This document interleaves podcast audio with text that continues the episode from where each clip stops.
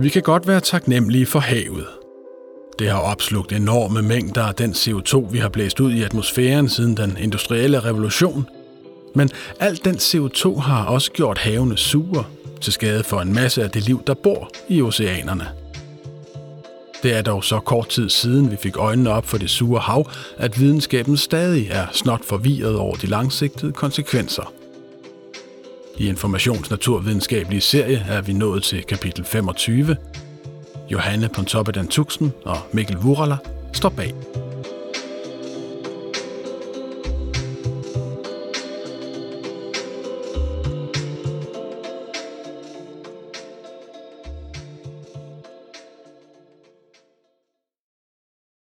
Først døde kolibrierne og bierne.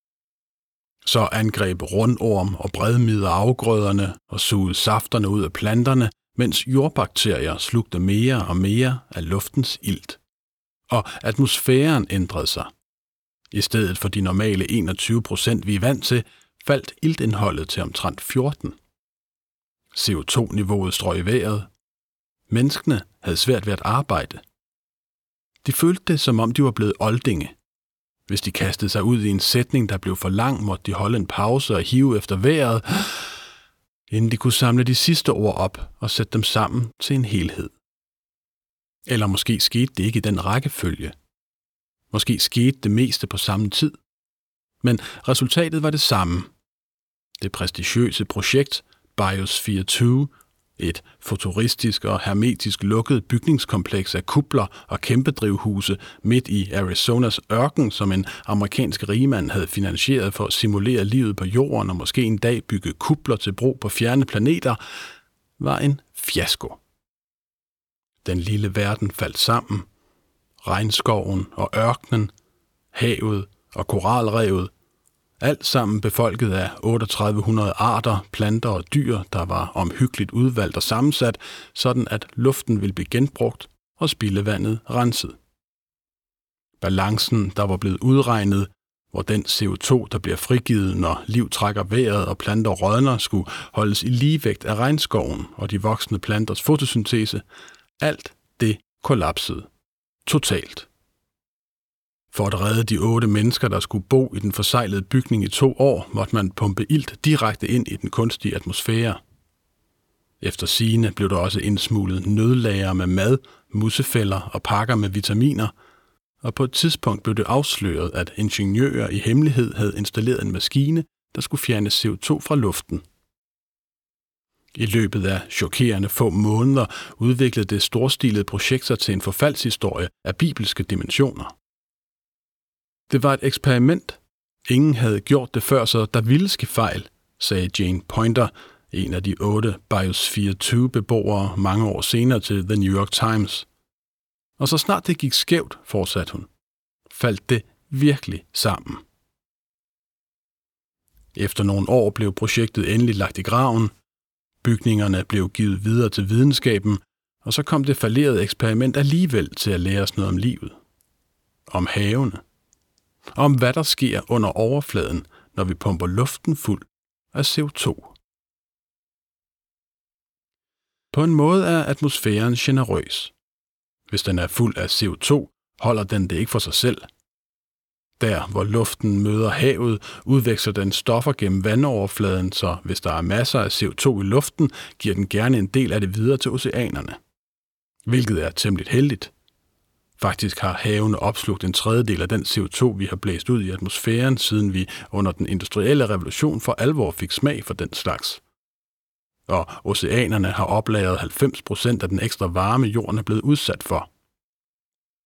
Havde det ikke været for havene, ville klimaforandringerne have været endnu vildere, end de er i dag. Men når CO2 opløses i vand, bliver det til kulsyre, og ligesom at bruset i sodavand er skidt for vores tænder, er kulsyren i havvand skadeligt for en masse af livet i oceanerne. Og havet er vidderligt blevet surere. De seneste godt 250 år er havets pH-værdi faldet med 0,1 pH-enhed. Det lyder måske ikke dramatisk, men pH-skalaen er, ligesom Richterskalaen, der måler jordskælv, den er logaritmisk.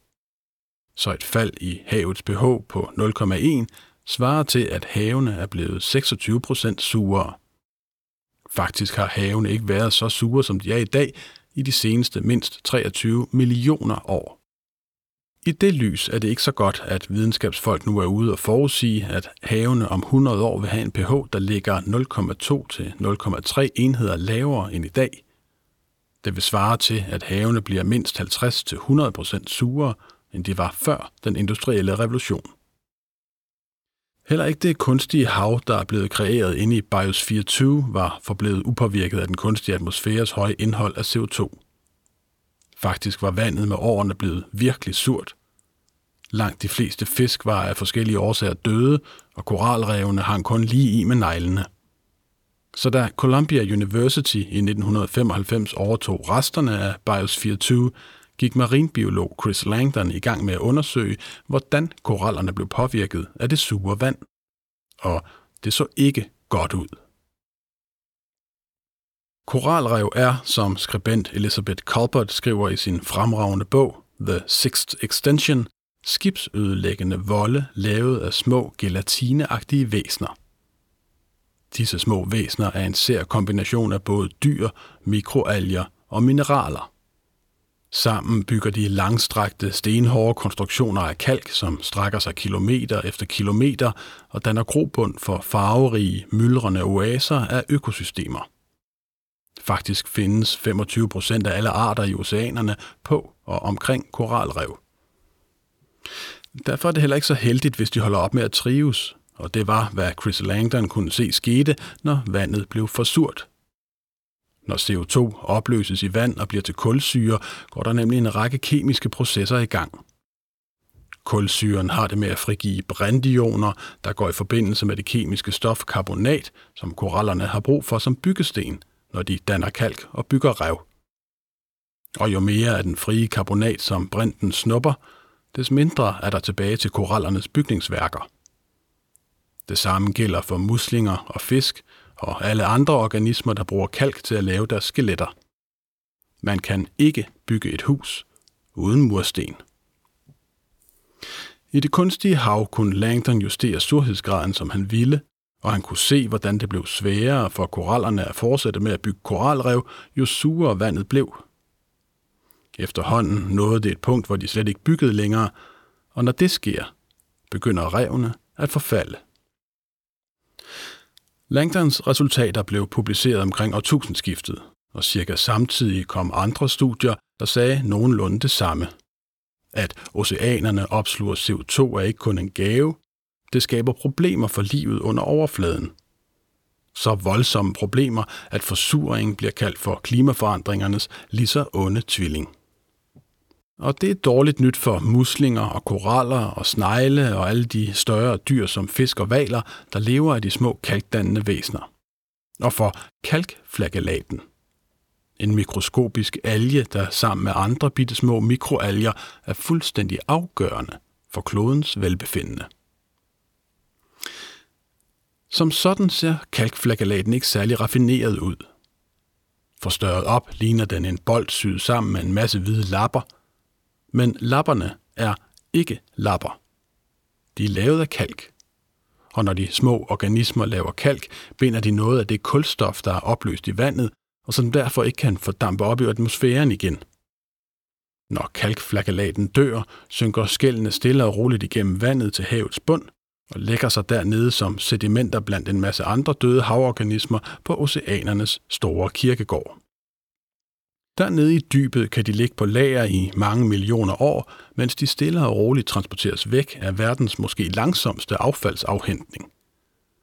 Med få centimeter om året rykker havbunden sig hen mod et kontinent, indtil oceanpladen på grund af pladetektonikken dykker ned under kontinentet med hele sit indhold af biologisk affald og døde organismer og smeltes om i jordens varme indre. Andre steder skubbes havbunden i stedet op og bliver til bjerge og klipper eller til klinter, som Stævns Klint, hvis hvide sten består af sammenpressede bitte små havorganismer som kalkflagellaterne. I al den kalk, som de klipper og klinter består af, er der lagret enorme mængder kulstof, som på et tidspunkt bliver frigivet til atmosfæren igen og omdannes til CO2 og falder ned med regnen eller opløses i havet, hvor kalkflagellater og muslinger og koraller kan binde kulstoffet i deres kalk, og så er cirklen sluttet. Kulstofkredsløbet hedder det, og det fungerede virkelig fint, indtil vi mennesker begyndte at skrue op for udledning af CO2 og forsure havene. For det sure hav ser også ud til at påvirke kalkflagellaterne på samme måde som det påvirker korallerne. Hvis pH falder med 0,5 pH-enheder, får også flagellaterne svære ved at danne kalk. Det viser laboratorieforsøg. Og hvis flagellaterne ikke danner kalk, vil de heller ikke binde så meget kulstof, som kan synke til bunds og ligge på lager i tusinder af år langt væk fra vores ophedede atmosfære. Hvilket er dårligt nyt for det vil gøre havene dårligere til at opsuge og lære vores massive udledning af CO2. Går vi ud fra, for ærligt talt ved vi meget mindre om de langsigtede konsekvenser af det sure hav, end man skulle tro. Da professor Per Jul Hansen begyndte at læse biologi i midten af 1980'erne, var talen klar. pH i havet er meget konstant omkring de 8,0. Det var faktisk slet ikke noget, man gad at snakke om, Lærebøgerne konstaterede det kort og sendte så de studerende i mere interessante retninger. Men det passer ikke. Faktisk varierer oceanernes behov virkelig meget, afhængig af om det er sommer eller vinter, og om man er i troperne eller ved polerne, nær kysten eller på åbent hav. På lavt vand kan pH-værdien endda ændre sig voldsomt meget i løbet af få timer. Hopper du i havet fra en badebro ved Hornbæk en sommerdag, kan det havvand, du svømmer i, sagtens have en pH-værdi over 9. Men hvis du efter en lækker middag og nogle drinks beslutter dig for også at tage et midnatsstyk, vil pH-værdien være faldet til 7,5.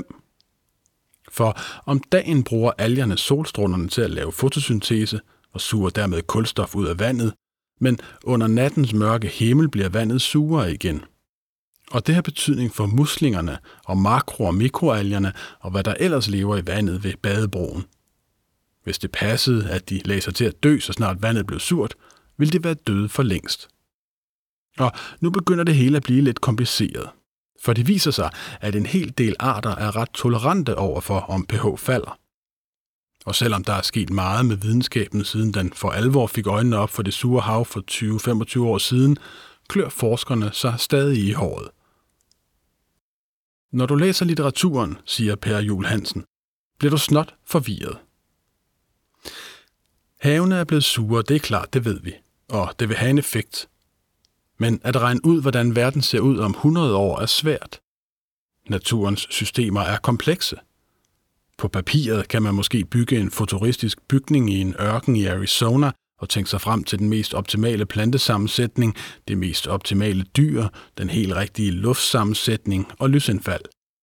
Men når virkeligheden udspiller sig, står otte mennesker pludselig og hiver efter vejret i en atmosfære, der er ude af kontrol.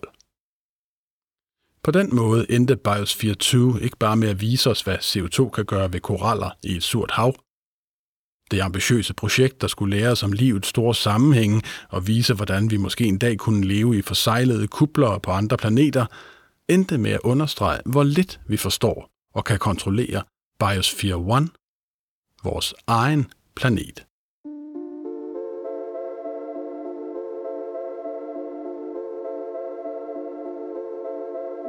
Det var kapitel 25 i vores naturvidenskabelige serie – hvis du har lyst, må du meget gerne gå ind og tildele os nogle stjerner, og måske endda skrive en lille kommentar derinde, hvor du lytter til dine podcasts. Serien hedder Vi fortæller naturvidenskaben forfra, og den er støttet af Carlsbergfondet. Mit navn er Rasmus Bo Sørensen. Tak fordi du lyttede med.